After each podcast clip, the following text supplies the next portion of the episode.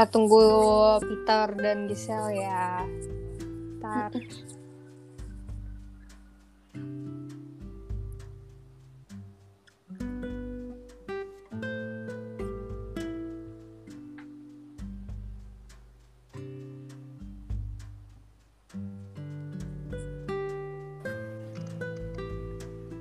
Udah ada Peter nih Teh Lisa. Udah tinggal udah ada Peter, kita tunggu Giselle.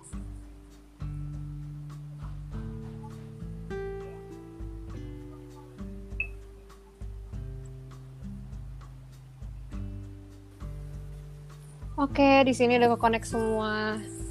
Oke, halo semuanya para pendengar podcast kami yang setia.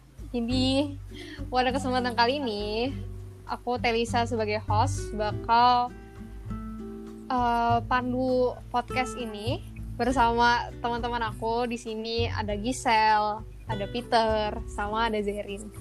Jadi pada podcast kali ini kita bakal bahas satu buku yang berjudul The Socrates Express karya Eric Weiner. Jadi di sini kita bakal analisanya itu dari uh, ringkasan yang telah analisa yang dibuat oleh Haidar Bagir dari situs kutukata.id. Oke, jadi kita bisa langsung mulai ke pot, ke inti acara kita. Oke, pertanyaan pertama. Apa pandangan pertama kalian ketika kalian membaca rangkuman buku itu? Dari Gisa boleh?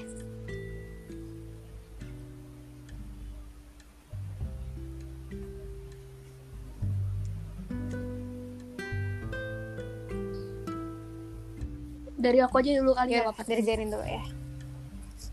Menurut aku pandangan pertama dari aku ketika baca rangkuman buku ini ya, rangkuman buku ini itu sulit untuk dipahami karena uh, dia uh, banyak menggunakan kata-kata baku gitu.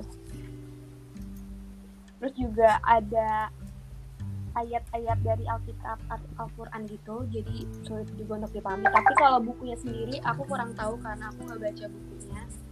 Mungkin bukunya bakal lebih gampang untuk dipahami kali. Hmm. Oke.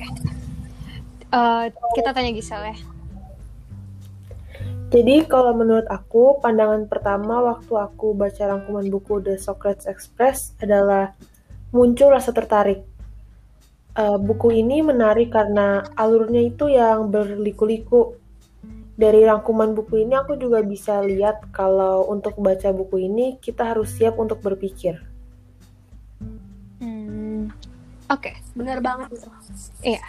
Oke, kita tanya ke Peter. Gimana nih Peter?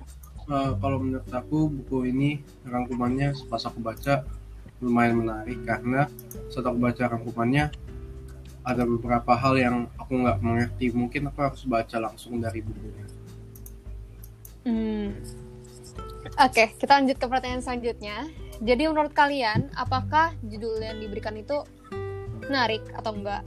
Terus, apakah dengan membaca judul tersebut, kalian tuh pas sebelum membaca rangkumannya, kalian tuh udah bisa nebak isi bukunya apa?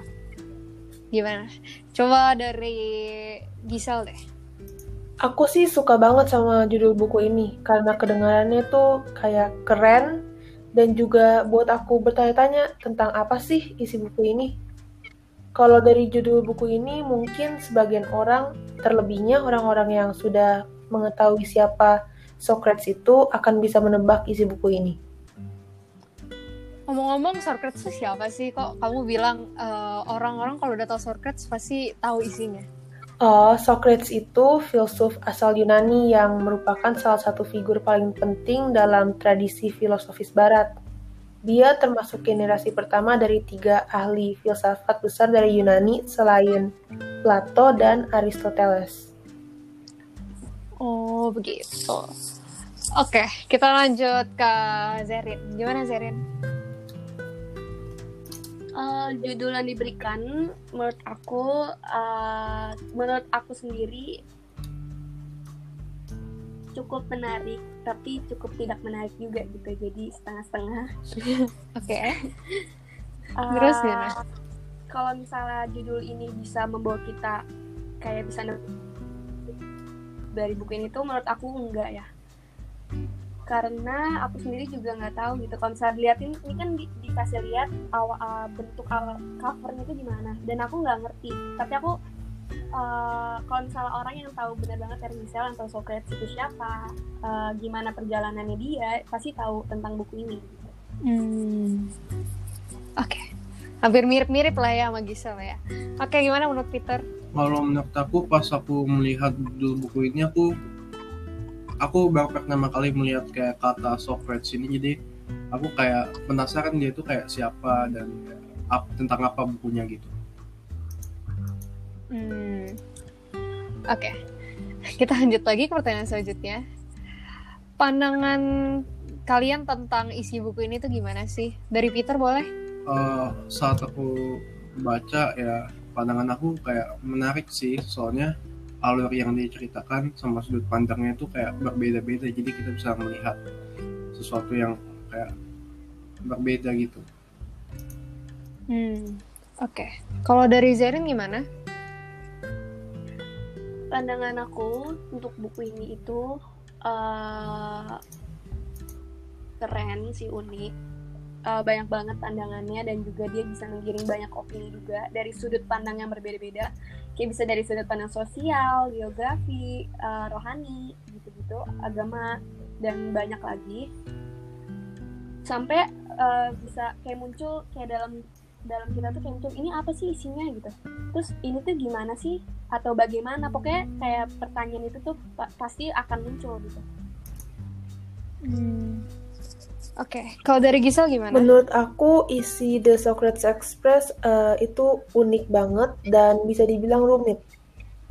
Uh, bi aku bilang Kenapa? rumit karena buku ini kan penuh dengan metafora-metafora.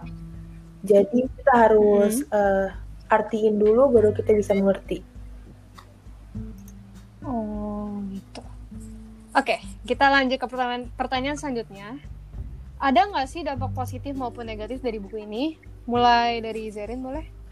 Menurut aku setiap buku yang diciptain itu pasti punya dampak yang positif maupun negatif. Karena nggak semua orang bisa setuju sama buku ini dan semua orang tuh bisa jadi setuju sama buku ini. Apa yang diomongin dari buku ini. Salah satu uh, dampak positifnya itu banyak banget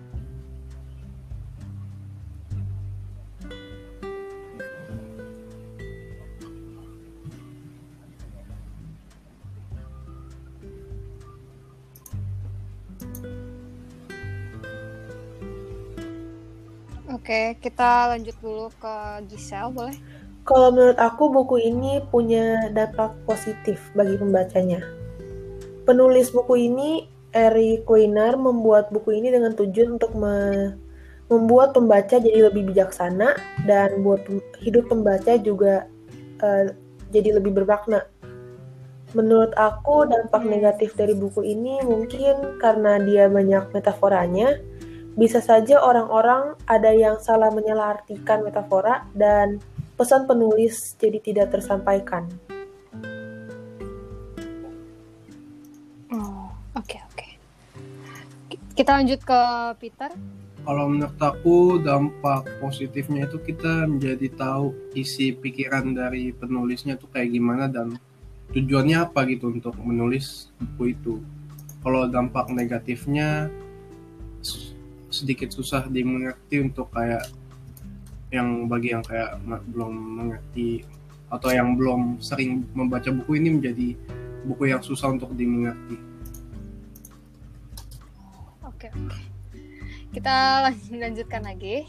Jadi menurut kalian ada nggak sih kekurangan atau kelebihan buku ini?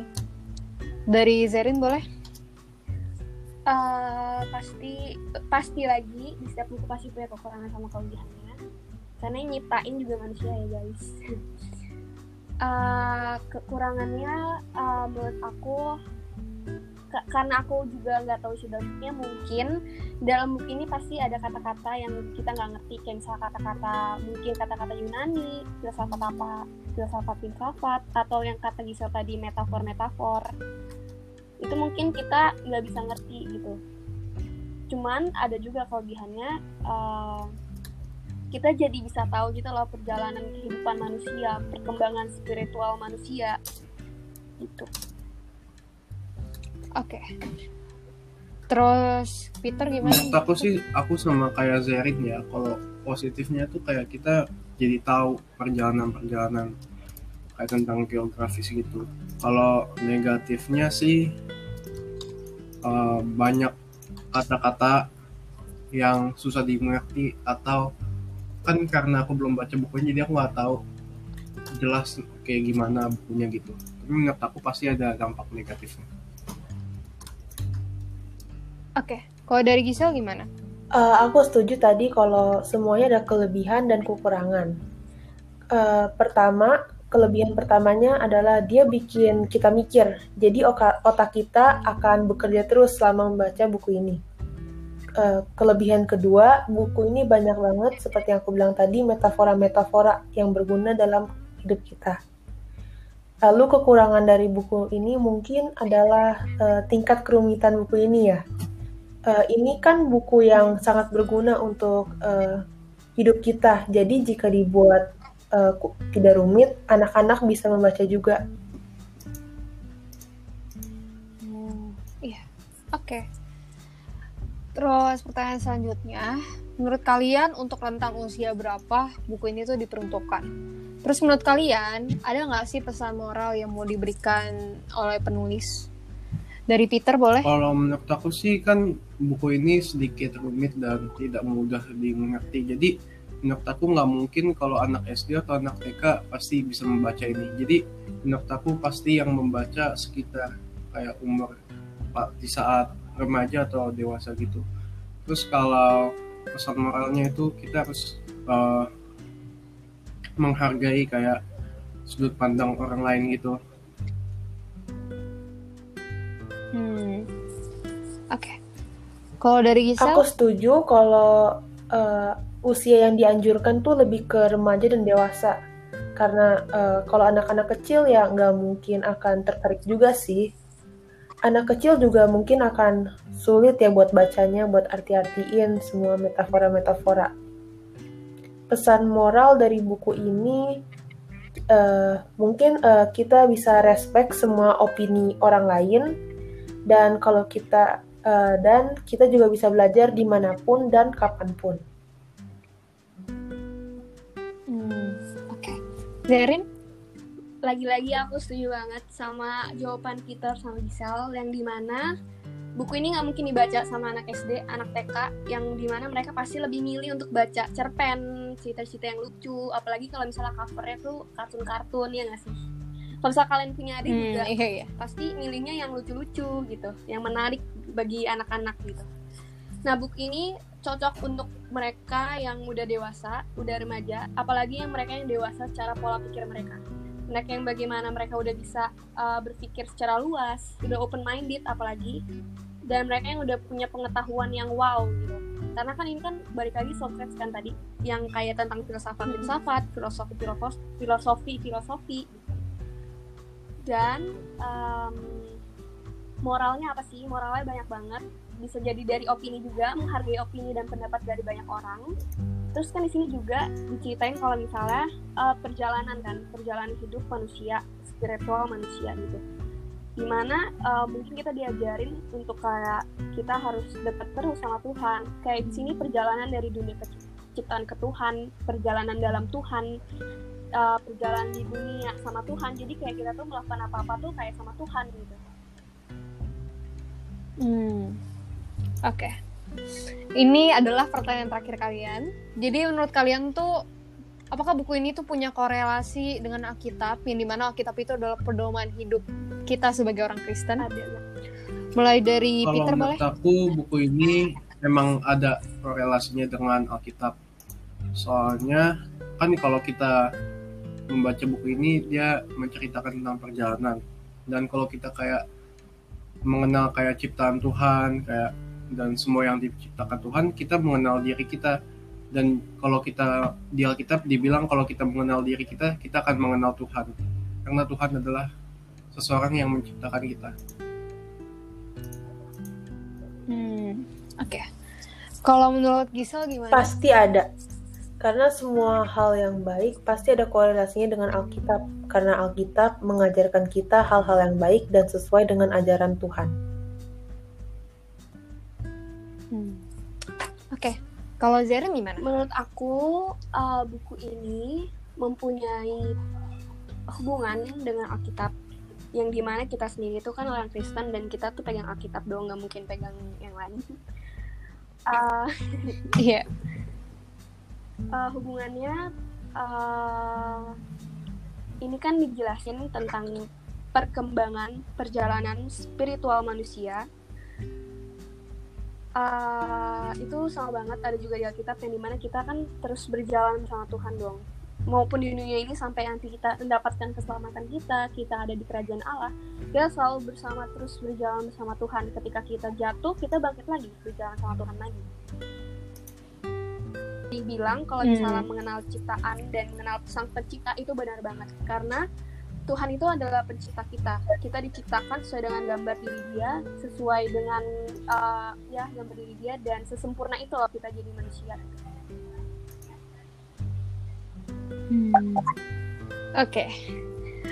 Oke, thank you banget. Udah jawabin pertanyaan semua pertanyaan yang aku udah kasih. Um, thank you banget juga untuk para pendengar di, ru- di rumah yang dengerin podcast ini. Sampai jumpa sampai jumpa di lain waktu. dan